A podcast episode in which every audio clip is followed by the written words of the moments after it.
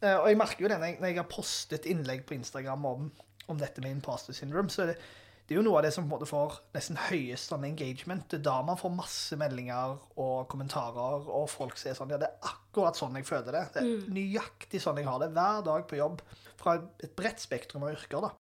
Og, og det er jo morsomt, for jeg hører veldig sjelden folk snakke om det.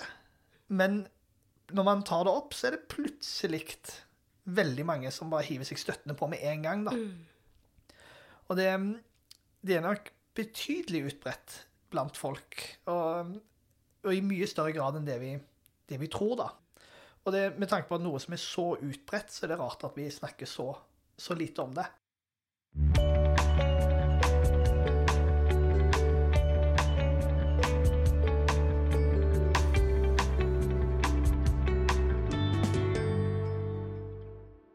Hjertelig velkommen til podkasten 'Leger om livet'. Jeg heter Anette, og jeg jobber som lege. Jeg har laga denne podkasten for å gjøre nyttig og forskningsbasert kunnskap lett tilgjengelig for alle, fordi jeg tror at kunnskap er den beste medisinen. I dag så skal vi ha en episode om et tema som jeg syns er veldig interessant og vanskelig. Og jeg gleder meg veldig til å ha denne episoden, fordi at eh, i dag har jeg en gjest som jeg har vært eh, veldig nysgjerrig på. Det er en eh, lege som heter Anders Kristoffersen. Han er utdanna både hjelpepleier, sykepleier og nå lege. Og han har veldig mange gode historier. Bare på den lille, korte turen fra inngangsdøra og opp her til studioet mitt her på Fornebu, så har han fortalt meg altså så mange fine og herlige historier at ja, dette er en mann som jeg, jeg gleder meg til å høre om eh, tankene til. Hjertelig velkommen, Anders. Jo, takk. Det er veldig hyggelig å få være her. Ja, du, altså, du har jo utdanna deg eh, som eh, tre forskjellige ting, og så har du tatt kurs i, innenfor ambulanse. Altså, du, du prøver å nå ut all, til alle aspektene ved eh, helse og kropp her. Ja, det kan man nok si. Um, jeg har alltid syntes helse var veldig spennende. Sånn at det, det var ikke unaturlig å gå, gå den veien. Um, jeg pleier jo selv å si at jeg har gått den lange veien gjennom helsevesenet da, for å ende opp der jeg er i dag. Ja.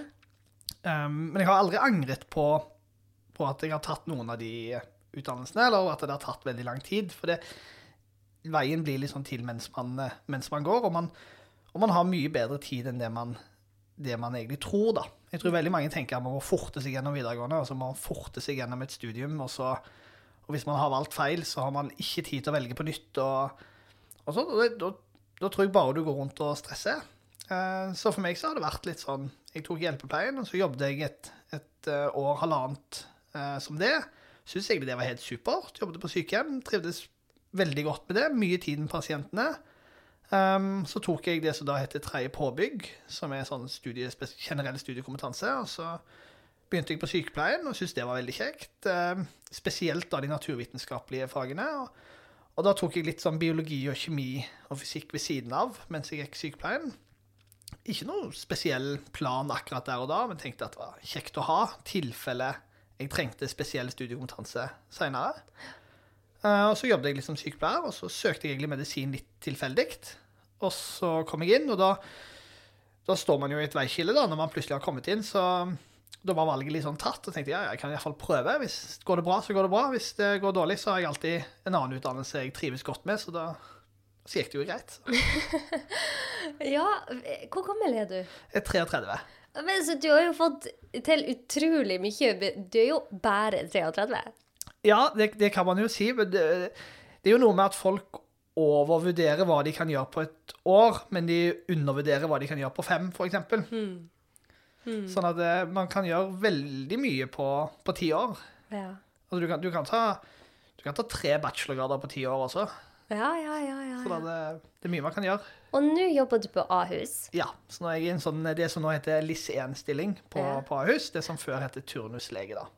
Det blir jo veldig spennende å se hvor du ender opp, eh, Anders. Jeg, jeg tipper at du kommer til å være innom veldig mye spennende. Ja, jeg er nysgjerrig sjøl. Altså, jeg, jeg skulle jo alltid bli anestesilege. Det var liksom eh, planen når jeg begynte på studiet. Og så etter hvert som man lærer mer, så dukker det jo opp mer og mer ting innen medisin som er, er spennende. Og så får man stadig mer forståelse for at ja, kanskje allmennlege var spennende, eller kanskje indremedisiner var spennende, eller plutselig så var kirurgi veldig gøy når man hadde kirurgisk rotasjon, eller um, Og jeg sa jo at jeg skulle aldri bli ortoped, men, men når jeg var på skadepoliklinikk nå, så syns jeg jo det var noe av det gøyeste jeg har drevet på med så langt. Så. Det er så gøy å reponere brudd. ja, det er helt fantastisk. Det er så utrolig god følelse når beinet liksom blir knekt på plass, eller Ja. dratt på plass. Iallfall når du får røntgensvaret etterpå. Det står at det er i en bedre posisjon. Jeg vet ja. ja, det er et godt poeng. Det er utrolig tilfredsstillende. Ja, det er det. Du, I dag så skal vi jo snakke om noe helt annet enn beinbrudd. da. Mm. Vi skal snakke om janteloven og ja, imposter syndrom. Riktig. Du har skrevet litt om det på Du har jo en Instagram-konto, og du har skrevet litt om det. Hva, hvorfor er dette noe som eh, opptar din interesse? Ja, altså Det er jo to forskjellige temaer, da. sant? Altså, men de henger jo på en måte kanskje litt sammen. Um, hvis vi tar janteloven først, da. Um, så er jo det noe som jeg Det er jo ikke bare Norge som kjenner på, på janteloven. En, på engelsk så kaller man det vel noe sånn som tall puppy uh, syndrome. Altså de blomstene som stikker mer opp, de blir kappet. Mens i Norge så, så bruker vi ofte janteloven om litt det samme, da. Og det det er jo litt dette med at du skal ikke stikke deg fram. Uh, og jeg tror nok at det for veldig mange er veldig hemmende. At man, det stopper folk i å gjøre en del ting. Jeg tror vi hadde hatt mye mer uh, Vi hadde fått mer spennende bøker, vi hadde fått mer spennende prosjekter i verden hvis, hvis ikke folk liksom ble litt sånn Nei, nei, du må ikke, må ikke gjøre noe. Og, og det følte jeg allerede på Hvis du hadde store planer eller store ideer som, som barn eller tenåring òg, så fikk man fort høre liksom Ja, må ikke overdrive. Må ikke, må ikke gønne for mye på. Og jeg tror det på mange, i mange situasjoner kan være ganske hemmende. Um, og det syns jeg er trist. Og det, det har jeg jo sjøl også kjent på. Jeg, um, jeg begynte å tenke tanken på at jeg skulle skrive, skrive bok, så kjente jeg jo veldig på dette med at Ja, men er det riktig at jeg skal skrive denne boken? Og, og hvorfor skal jeg skrive den? Det er sikkert noen som er mye bedre enn meg, som kunne skrevet samme boken. Um, men det er klart, hvis alle tenker sånn, så er det jo ingen som skriver noen ting. Jeg vet. Jeg vet. Og det, den der tanken kommer jo så fort. Og det du sier at i barndommen og liksom gjennom oppveksten, så det er jo på en måte en beskyttelsesmekanisme fra de som har gått på feil selv. De vil så gjerne unngå at barna skal gå på de samme feilene, eller at skal føle skuffelse i livet, eller gå på en smell.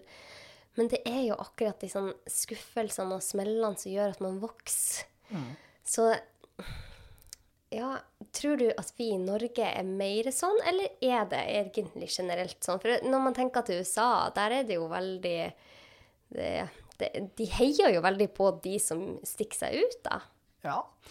Jeg, altså, det, uten at jeg sitter på noe Det er sånn typisk legeting å si, da, at jeg sitter ikke på noe tall eller statistikk her. men, men, men min følelse Jeg har jo studert i et internasjonalt miljø, både, på, både på medisin, som jeg tok i utlandet, og, og på sykepleien så hadde jeg et halvt år i Australia. Ja. Og jeg følte nok at det var mye mer innafor å, å på en måte vise litt oppnåelser. Og det kan man jo se hvis man ser litt på sosiale medier også. så er Det sånn, um, det finnes veldig mange kontoer som viser f.eks. folk som driver en business, som viser liksom Ja, se, nå pakker jeg bestillinger, nå gjør jeg disse tingene her, og se så bra det går. Som er fra USA og England og, og sånt. Men nesten ingen fra Norge. For det er litt sånn Jeg skal ikke vise hvor ofte man liksom Hvor bra det går, da. Um, og det samme eh, følte litt når jeg um, skulle skrive bøker også, så liksom la jeg ut et bilde av at liksom, ja, nå har vi fått inn 500 forhåndsbestillinger eh, før den i hele tatt har gått i trykken. Og så, og så får man liksom noe Jeg husker det var noen som sendte meg en melding på Instagram med sånn ja, ja, du trenger jo ikke liksom å, å skryte av at du har solgt boken din. Å, herre min! Og så ville jeg sa ja, men jeg er jo veldig stolt av dette. Det er, det er jo en kjempestor dag for meg. Ja. Sant? Det blir jo litt sånn som at eh, folk legger jo Jeg har jo ikke unger, men altså, folk legger ut bilder av ungene sine òg. Ja. Jeg sender jo ikke melding til de og er sånn trenger ikke skryte av at du har lagd noe. Det er det mange som har gjort. så, så det Nei, jeg, jeg, altså jeg tror ikke nødvendigvis det er særegent norsk, men jeg tror det, det er mye av det i Norge. Ja. Det tror jeg. Hvorfor er det det? En ting er vel kanskje at vi er et litt lite land. Altså, vi, vi er ikke så mange, så at um, man føler seg nok mer synlig. Man er ikke så usynlig i Norge da, som man kanskje er i et altså Hvis du bor du i New York, så, så bor du på en måte i en by med mange millioner mennesker. Da er du, føler du deg nok mye mer usynlig enn det du gjør hvis du bor i Norge, da. Ja. Det er sånn som innad i helse, og kanskje spesielt i legemiljøet heller. Det er ikke så veldig stort. Man vet stort sett hvem de fleste er. Og de fleste leger så stikker seg litt ut. Man, man kan ramse de opp på liksom En hånd, da. De fleste vet hvem de er, da. Åh, da får jeg sånn sug i magen, for det, man liker jo ikke å stikke seg ut, ikke sant?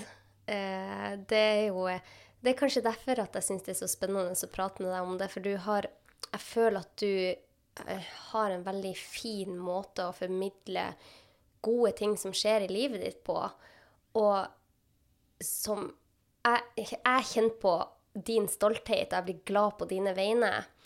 Og jeg blir òg veldig overraska over at folk kan synes at det er for mye eller skrytete. For at hvorfor kan ikke vi være rause med hverandre? Og hvorfor kan vi ikke unne hverandre at du har fått 500 forhåndsbestillinger? Det er jo helt fantastisk. Eh, så jeg tror at hvis man kjenner på den der følelsen at ah, det der syns jeg var for skrytete, så kanskje det er noe inni deg selv som du kanskje ikke får eh, brukt noen egenskaper eller ressurser som du føler du har eh, satt et lokk på selv. Jeg vet ikke. Hva du tror, Anders? Jeg tror nok eh, noe er nok at det er lettere å prosjektere frustrasjon på andre enn å tenke det kunne jeg selv gjort, eller at Det er jo sånn som når man studerte medisin, da, så var det jo det var jo tidvis sånn at man måtte kanskje sleit med en eksamen eller syntes det var veldig vanskelig, og så var det noen som bare liksom nesten ikke møtte opp på forelesning, og så fikk de, gikk de kjempebra på eksamen. Ja. Og da var det jo veldig lett å bli mer sint på den personen enn å bli sint på seg sjøl. ja. Men det hjelper jo på en måte ikke meg noe. Så jeg, jeg tror nok at mange går og tenker på sånne egne drømmer og egne tanker. Og når de ser andre gjøre det, så er det lett å bli mer irritert på den som gjør det, enn enn på at man ikke selv har gjort det. da. Og jeg tror nok det er en av de Nå spekulerer jeg jo naturlig nok bare, men, men en av kanskje de iboende grunnlaget for janteloven, da. At det er lettere å, å irritere seg over at andre gjør ting, enn å tenke at jeg kunne også gjort det, eller eh, hvis jeg kan finne på mine prosjekter, eller gjøre de tingene som jeg er god på.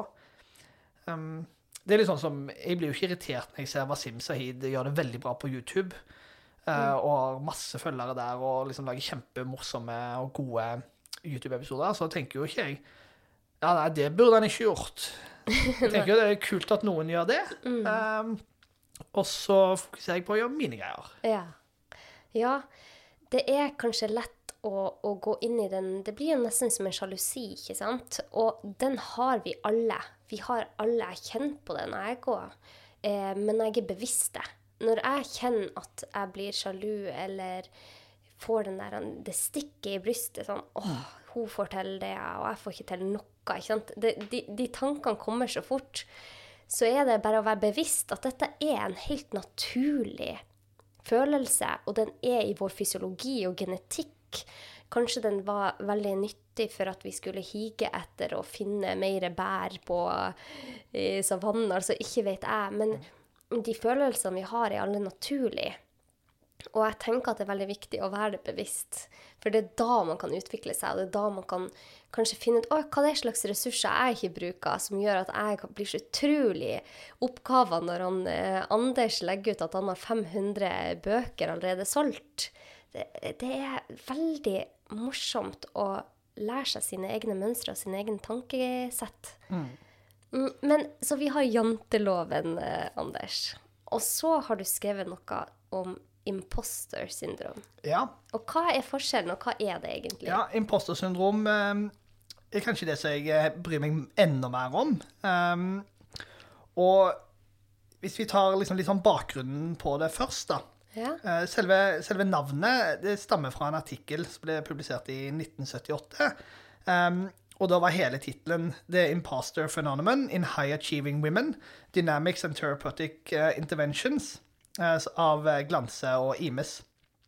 Og de definerte denne følelsen som et, en følelse av et intellektuelt bedrageri, en ofte medfølelse av angst, stress og depresjon.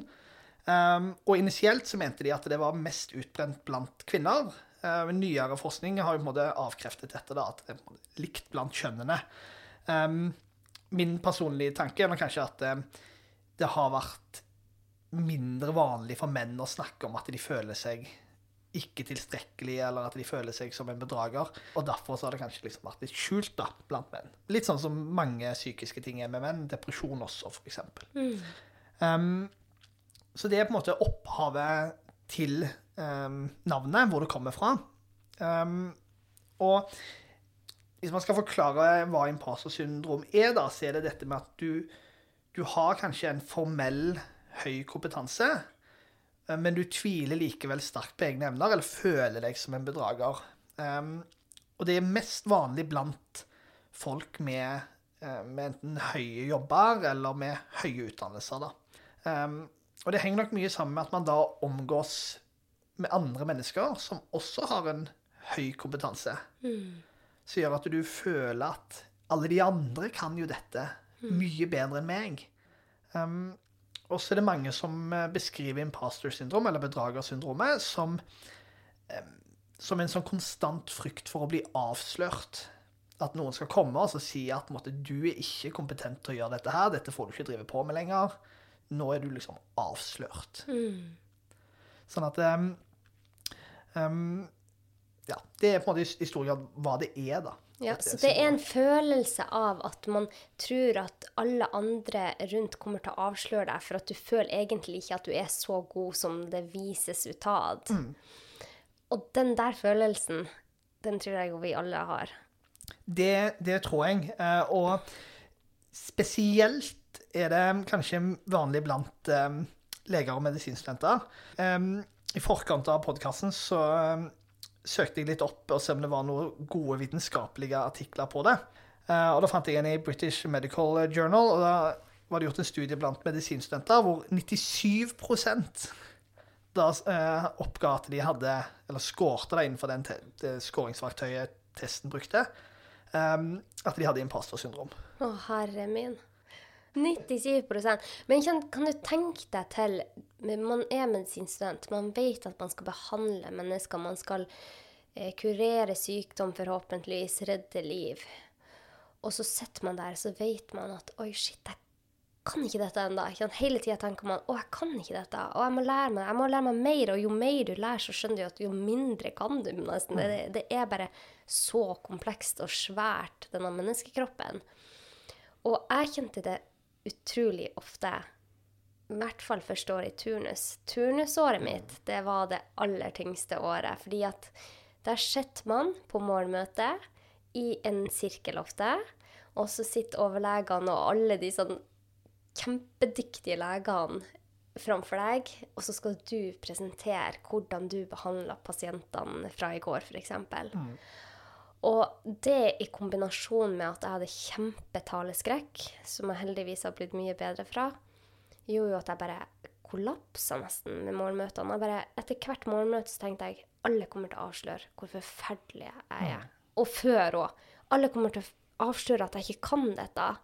Eh, og så Det som holdt meg oppe det året, det var jo at i, i kontakt med pasientene mine da fikk jeg mestringsfølelse, for da skjønte jeg å, jeg er faktisk kjempeflink i dette. Jeg kan dette. Jeg ser pasientene mine, jeg er god i mitt yrke.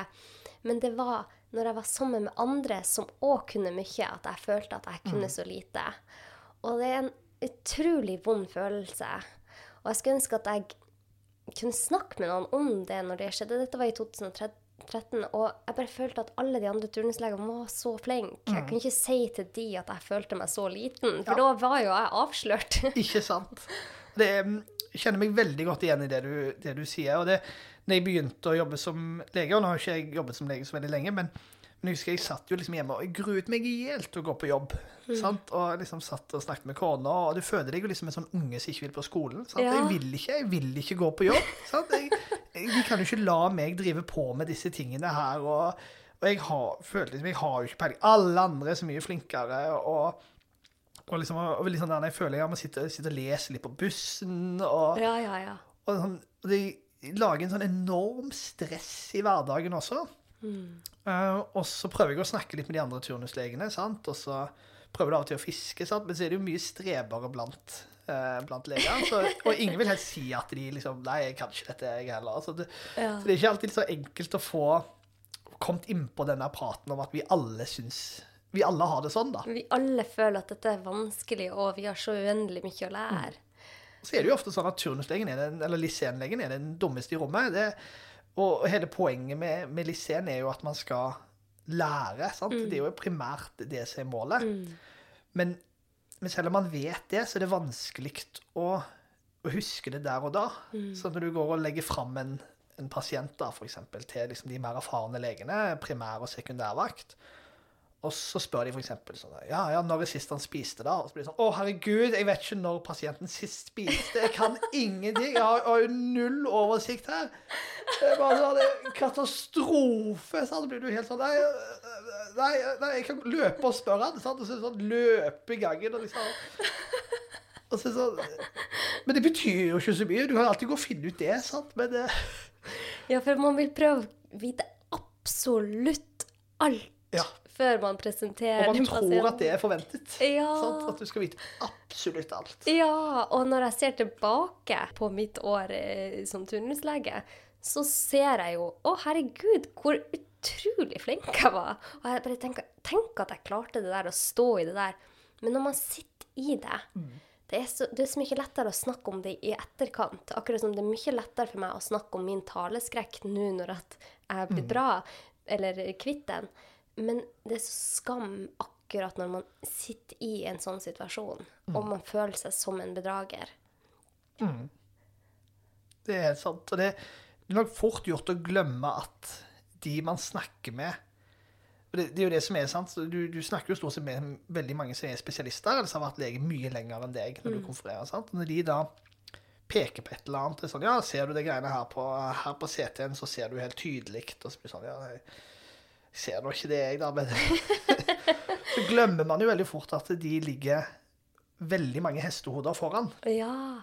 Men man, man, det er veldig fort gjort å tenke at alle leger skal kunne dette, eller alle eh, måtte se det, at alle de andre ser dette. Ja. Og så tror jeg man snakker lite om at det er sånn for alle som er nye i noe. Sant? Det er jo ingen som forventer at du er kjempegod fra dag én. Nei, nei. Men, eh, men jeg tror at eh, Og jeg tror nok det er Man har ikke den kjempestore aksepten når man snakker om ting man ikke vet innenfor medisin, da. nei. Fordi at man har nok et Man er nok veldig opptatt av, f.eks. spesielt som lege, at man skal uttrykke en sånn overfor pasienter og overfor annet personell, og at, liksom at vi har kontrollen. Vi vet absolutt alt vi driver på med nå. Så det, det, er sånn, det er jo sjelden man hører altså Man hører kanskje veldig trygge leger si at 'nei, det vet jeg ikke', men man hører veldig sjeldent Det er et, sjeldent ord eller setting da, på et sykehus at 'jeg vet ikke'. Men det gir jo veldig tillit. Det er jo studiet som viser at hvis du sier Vet du, det der vet jeg ikke, men jeg skal prøve å finne ut av det. Det gir så mye mer tillit enn når du kommer til noen. Og det, det handler ikke bare om en lege, men hvis du går på bokhandlerforretning og spør etter en bok, og de bare later som de vet hva det er du snakker om. Du må merke det jo. Og da er det mye bedre å si 'Jeg vet ikke, jeg vet ikke. Jeg skal prøve å finne ut av det'. Da ville jeg i hvert fall hatt mye mer tillit. Og det er det som er så viktig da i dette imposter syndrom. Det, det er jo òg en studie for, eh, faktisk som viser at turnusleger som mestrer turnuslivet, jeg tror det var fra England, det er de som spør mest. Og for å kunne spørre, så må man jo tørre å spørre, og det må være rom for å ikke kunne. Så det er jo utrolig viktig i hele yrkeslivet, og på skolen, ikke sant? det å kunne ta feil. Det er jo, jeg hadde en egen episode om det, at det er viktig å del av læringa å ta feil.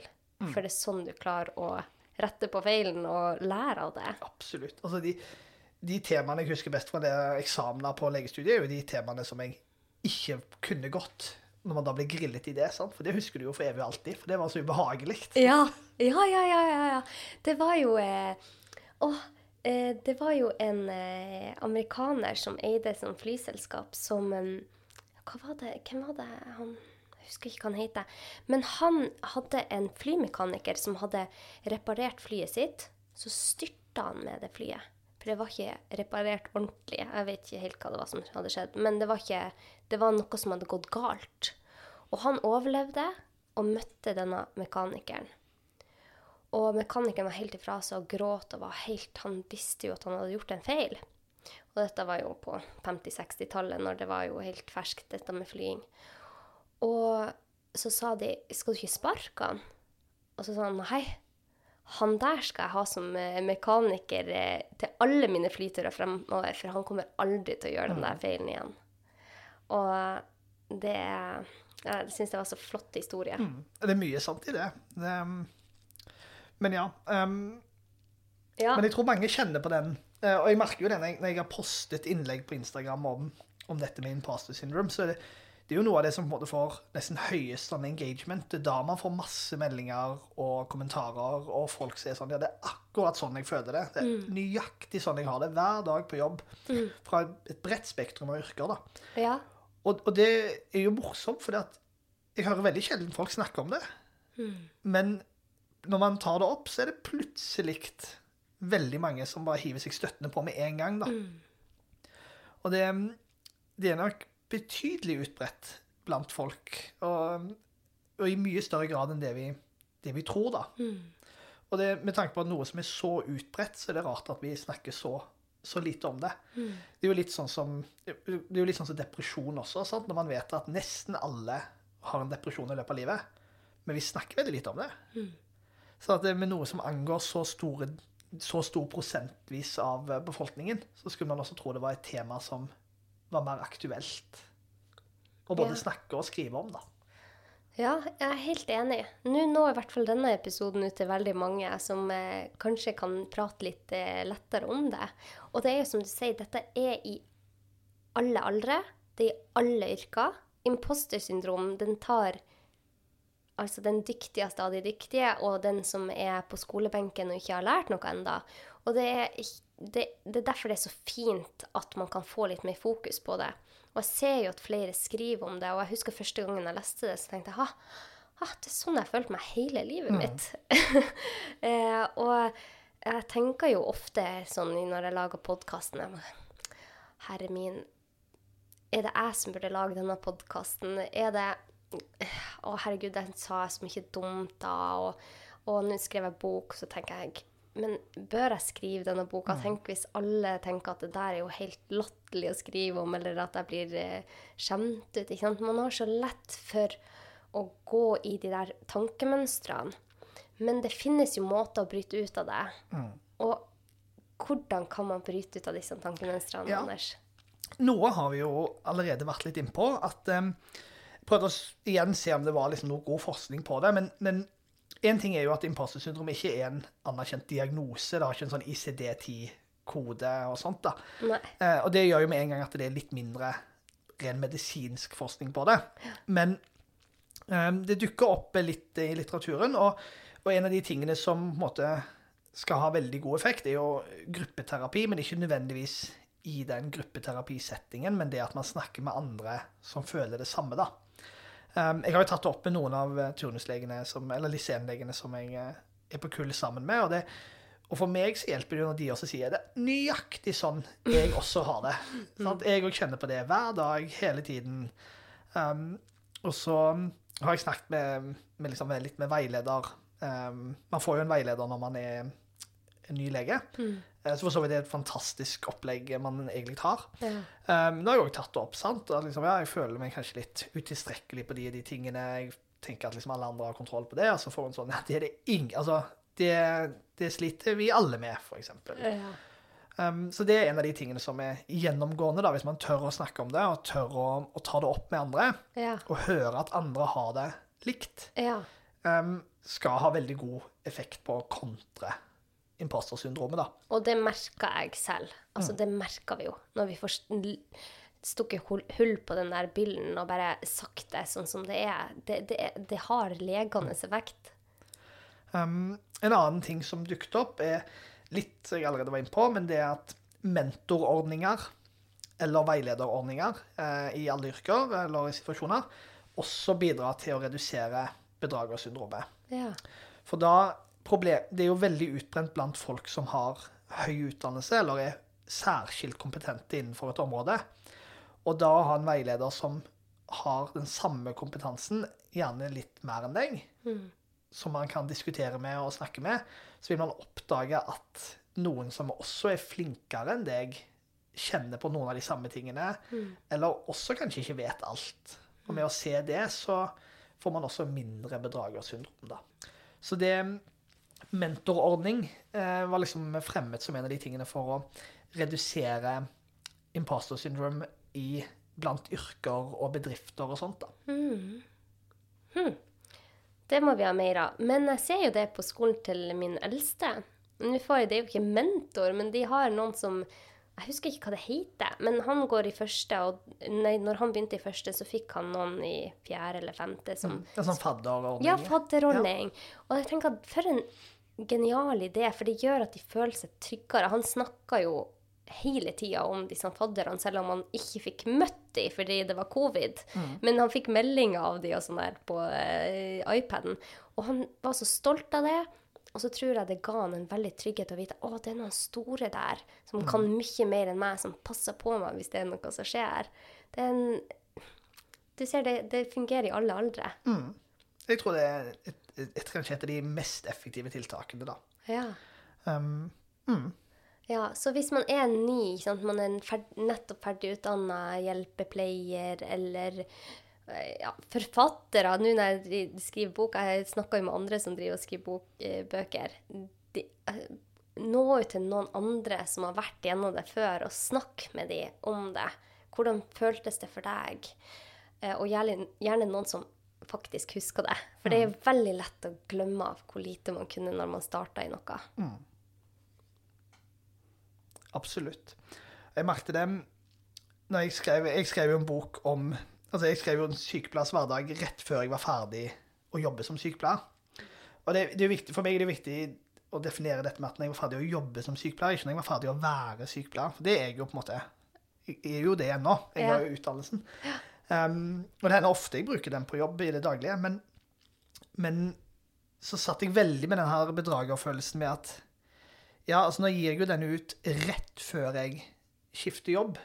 Samtidig som at jeg har jo hatt godt i mange år og tenkt at jeg har veldig lyst til å sette ord på disse tingene. Og hvis jeg skal gi det ut, så er det jo nå jeg må gjøre det.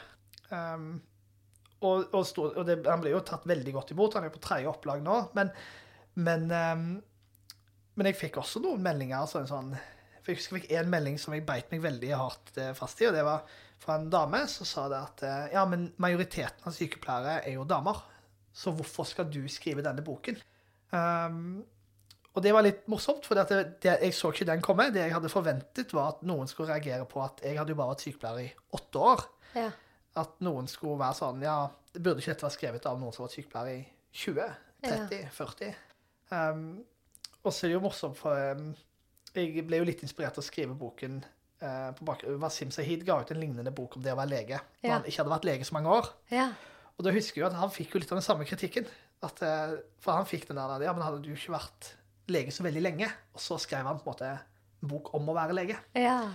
Um, så det var det jeg var redd for å få kritikk for. Og jeg var veldig overraskende jeg fikk eh, Det var ikke mange meldinger, da, men jeg fikk et par meldinger om liksom, at det burde ikke dette vært skrevet av en dame. Ja, så, og det er jo ikke noe du kan gjøre noe med. Og den så jeg ikke komme. ja, ja, ja. Så det vil alltid komme kritikk hvis man eh, peker seg ut på et eller annet vis. Eh, på arbeidsplassen eller på skolen eller Ja, det vil det gjøre. Men jeg syns det er kjempevanskelig, for at jeg er ikke en person som eh, naturlig liker å stikke meg fram. Jeg har aldri vært den som har gjort det. Og nå når jeg på en måte plutselig litt mer, ble litt mer offentlig, så syns jeg det er kjempevanskelig, og jeg prøver å lære meg til å, å være mer offentlig. Men de sånn små kommentarene De fleste skriver bare så fantastiske meldinger til meg. Jeg har så fine lyttere. Men så får jeg noen av og til, eh, ofte et par ganger i uka etter en episode, som bare Å, det suger i brystet. Jeg bare Eller det trykker i brystet, og jeg bare kjenner at Oi, shit, de har kanskje rett. Det var dumt sagt. Eller Å, jeg burde ha forklart det på den måten. Å nei, de forsto ikke hva jeg mente. Har du noen råd til oss som har det sånn når vi får kritikk, hvordan man skal håndtere det? Ja. Jeg har jo akkurat samme problemet som det du beskriver. Og jeg diskuterer dette mye med kona, og, og hun blir jo tidvis litt frustrert med meg. For det, det er jo sånn, jeg kan sitte og henge meg veldig opp i én negativ kommentar eller én negativ melding, og så sier hun ja, men du har jo fått liksom 200, du har en stappfull e-post ved boks, eller innboks, og en stappfull melding med, med positive tilbakemeldinger. Ja. Hvorfor tyter du så veldig mye om den ene som var litt sånn skeiv melding, på en måte? Hvorfor bryr du deg så veldig mye om den? Mm. Hvorfor bryr du deg ikke om de bra tingene? Og, og det er jo veldig, vi er jo litt sånn. Det er jo sånn når jeg har vært på jobb òg. Sånn, nattevaktene mine er 16,5 timer, og, og da har man kanskje gjort veldig mye bra da, i 16,5 timer. Og så kommer jeg hjem, og så legger jeg meg sove, og så ligger jeg og tenker sånn ja, Kanskje jeg kunne gjort bitte litt bedre jobb på han ene der. Og så tenker man mer på det enn man tenker på alt man gjorde riktig ja. gjennom en hel eh, lang vakt. da. Og det er ofte noe helt sånn ubetydelig man henger seg opp i.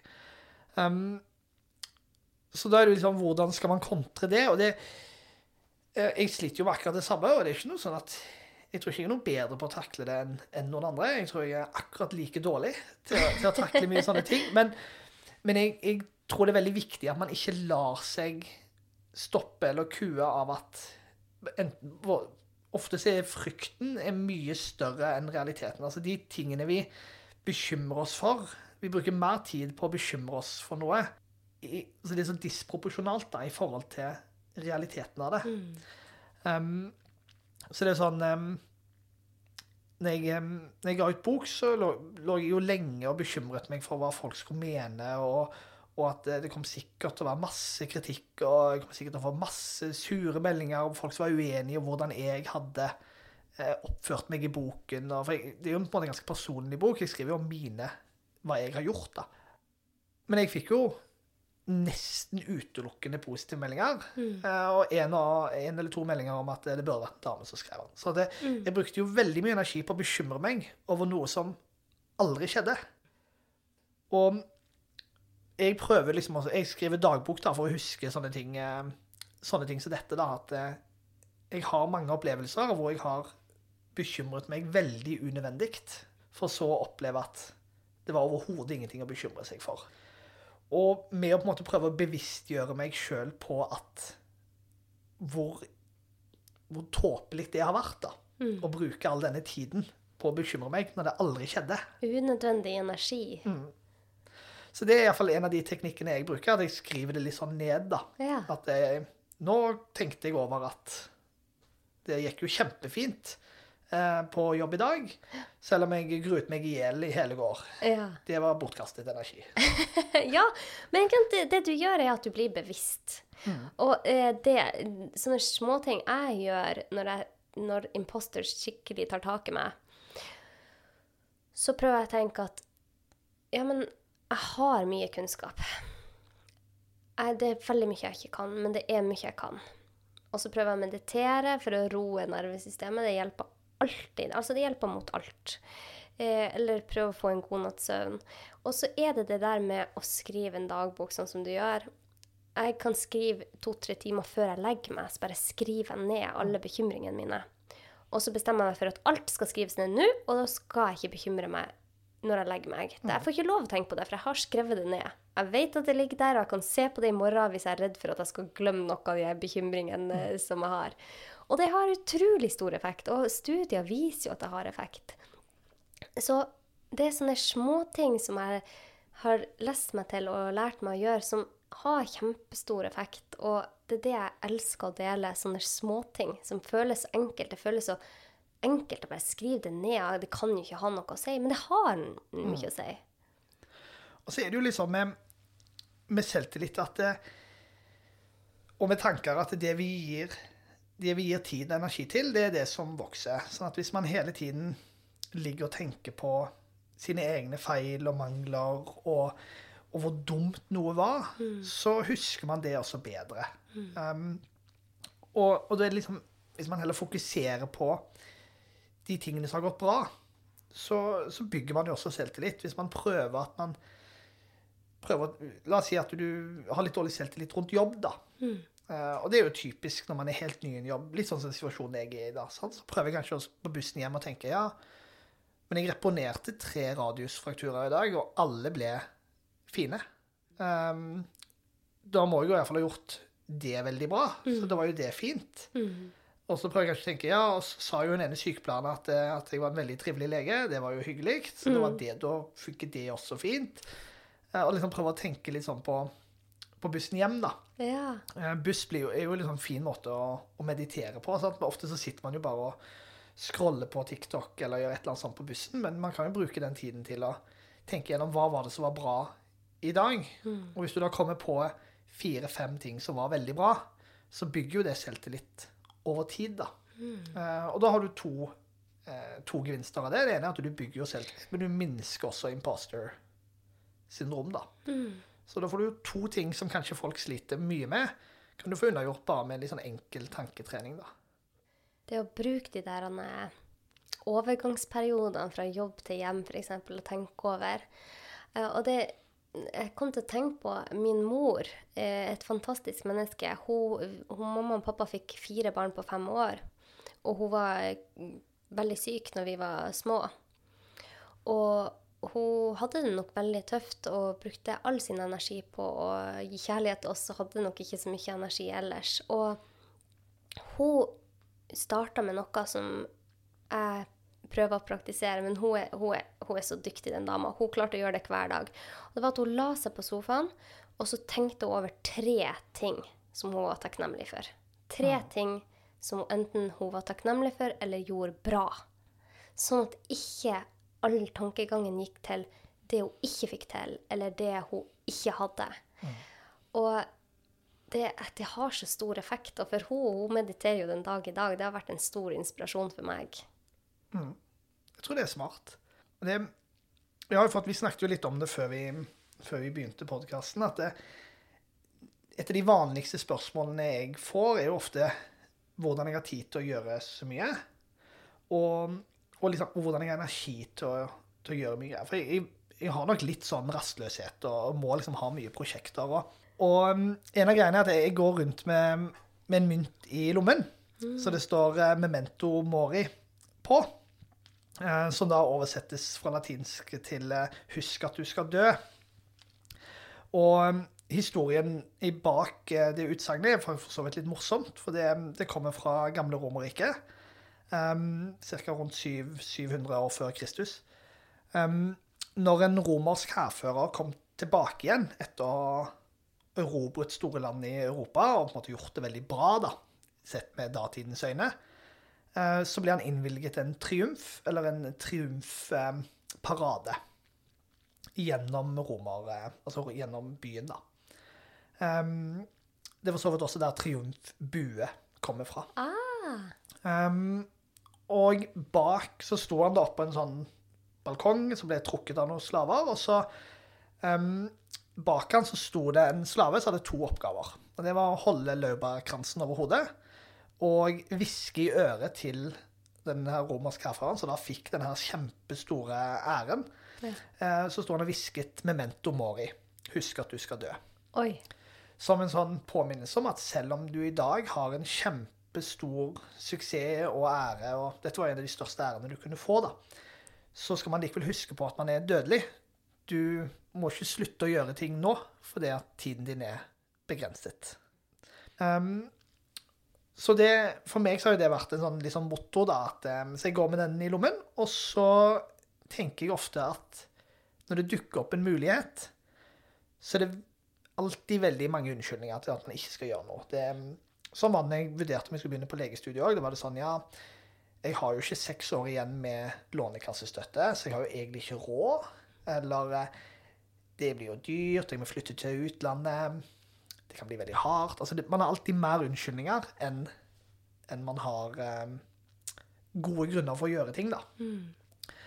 Um, så at det, det er den ene tingen. Jeg prøver å minimalisere den tiden um, på at jeg bare liksom OK, dette har jeg lyst til, da gjør jeg det. Um, og et godt eksempel som jeg ofte bruker på hvor det fører meg i verden um, Jeg hadde en kompis som sendte meg en tekstmelding, og så sier han står det bare sånn Hei, vil du være med i sommer eh, og klatre fjell i Pamirfjellene? Og så tenker jeg, ja, så skriver jeg bare tilbake en Ja, jeg blir med. Og så etterpå så er det sånn Så snakker jeg med kona, og så sier jeg sånn Hvor er Pamirfjellene? Og så liksom inn på Google, og så er det sånn Ja, de ligger i Tadsjikistan, rett med grensa til Afghanistan. Så tenker jeg, jeg håper han kompisen eh, har en plan på hvordan vi kommer oss dit, da. Og det er jo en av de mest innholdsrike turene jeg har vært på. Sant? For da ble det liksom fly til Kasjokstan, finne noen som kunne kjøre oss til Kirgisistan.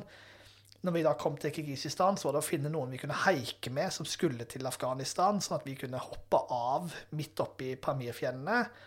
Eh, og så klatret vi fjell og styrte på der oppe i ørkenen og ødemarken i en ukes tid. Og så var det å sette seg på denne her helt øde landeveien og så haike med noen tilbake igjen. Og det, det, det er jo ingen som kjører her, det er ingen som bor her. Sant? Så man sitter jo der, vi sitter jo timevis langs en helt øde vei i ørkenen, og så tenker jeg kanskje det kommer noen i dag. Hvis ikke, så prøver vi igjen i morgen. Og det er litt den der Det er jo sånt det blir gøye historier ut av, og det er jo sånt man måtte få masse opplevelser. hvis man og Det finnes tusenvis av grunner til å ikke reise til Pamirfjellene i, i Tadsjikistan. Det finnes veldig få gode grunner til å gjøre det, men det er jo veldig gøy, og man får veldig gode minner. Sånn at på mange måter har det vært min sånn ledetråd da, gjennom for å gjøre mye, både når det kommer til utdannelse, eller å liksom, starte en bedrift, eller å, å, gi ut bok. At det er liksom Man har begrenset med tid. Det er bedre å bare gønne på, og så Kanskje det går bra, kanskje det ikke går bra. Hvis det går dårlig, så glemmer folk det. Hvis det, går, eh, hvis det ikke var gøy, så glemmer jeg det også over tid. Altså det, det, og hvis det blir eh, helt håpløst, så får man en god historie. Det syns jeg var en utrolig fin livsfilosofi, Anders. Det, jeg har jo også sett på Instagram at du driver og tar flylappen. Ja, og det er jo også en sånn ting som jeg kanskje egentlig ikke har helt råd til å gjøre akkurat nå. Det passer kanskje ikke kjempebra eh, inn i en sånn LIS1 eh, og litt sånne ting, men, men, samtidig så er det Altså, hvis ikke nå, når? Plutselig så får man liksom, plutselig så får man unger, og da er det travelt, og så jeg liksom hoppet Muligheten dukket opp, og hoppet på muligheten. Eh, og så får man bare håpe det det går i boks, da. Åh, oh, det er gøy. Veldig gøy. Vet du, jeg heier på deg og alle dine prosjekter, Anders. Jeg gleder meg til å følge deg videre. Og jeg er så glad for at du, du tok deg tid til å være med i podkasten. Jeg bruker å avslutte episodene med å spørre gjesten min om hva de tenker skal til for å få et godt liv. Ja. Og hva, er, hva tenker du om det?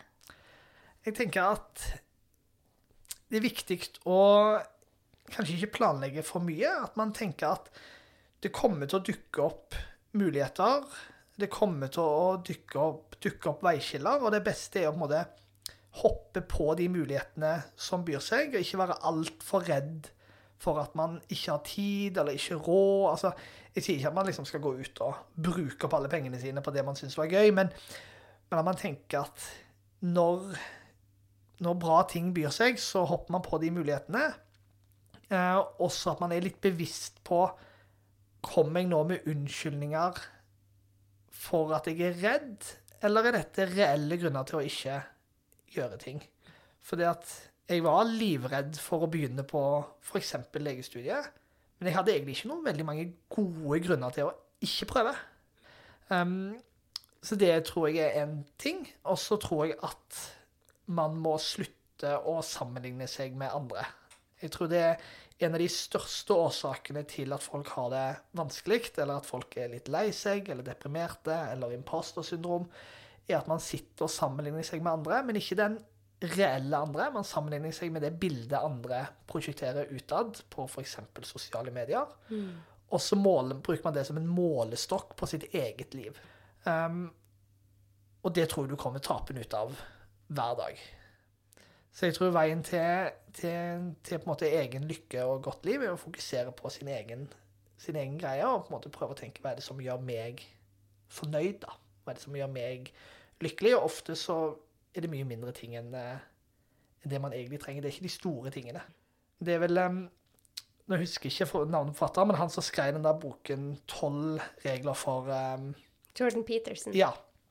Han snakker jo også om dette med at hvis du får de små tingene til, da blir du lykkelig. Hvis du, hvis du får til frokosten med kona, eller får til middagen med familien din, du får til liksom hverdagen, hvis du, får til, hvis du gjør de tingene riktig, så blir livet bra. Hvis du fokuserer på at ferien skal være bra, som er bare noen uker i året, det er en veldig liten prosent av livet ditt. Så hvis du får til liksom hverdagen, og de dagene der, hvis du, hvis du har det fint på jobb, hvis du har det fint med familien din, hvis du får en hyggelig frokost hver søndag Hvis du får til de tingene der, da er livet liksom i mål. Så jeg prøver å legge mest energi på de små tingene, og så tenker jeg at alt annet er bonus. Veldig fint, eh, Anders. Tusen takk for at uh, du tok deg tid til å være med. Jeg er kjempeglad for at uh, du driver med det du gjør, og at du formidler så godt i sosiale medier, og du er jo gjester rundt omkring, og har jo masse prosjekt på gang. Så gleder meg til å følge deg, og mine følgere, hvor kan de nå deg? Ja, um, det enkleste å nå meg er nok på Instagram. Um, der heter jeg nå Lean Mean Nursing Machine, uh, som jeg har gjort de siste årene. Um, der prøver jeg å prøve å svare alle som tar kontakt, men det hender det tar litt lang tid. Men det er nok den enkleste måten å, å få tak i meg, da. Og hvis man syns det var litt vanskelig å søke på det, så kan man søke på Anders Kristoffersen med CH. Helt riktig. Veldig bra. Og så kan man kjøpe boka di, Sykepleier, 'En sykepleiers hverdag', Ja, det er riktig. på Singulum. Og Ja, du kan kjøpe den, Hvis du kjøper den på singulum.no, så kan du få den signert. Men den er også tilgjengelig i de aller fleste bokhandlere og, og nettbokhandlere. så bra. Supert. Tusen takk for at du tok deg tid. Veldig hyggelig å få være her. Og hvis dere syns denne episoden var bra, så kan dere eh, trykke fem stjerner på eh, podkast-appen, eller dere kan dele den. Og hvis du liker podkasten, så trykk abonner. Jeg deler ny kunnskap hver uke. Tusen takk for at du tok deg tid til å lytte. Ha en kjempefin dag. Ha det godt. Ha det bra.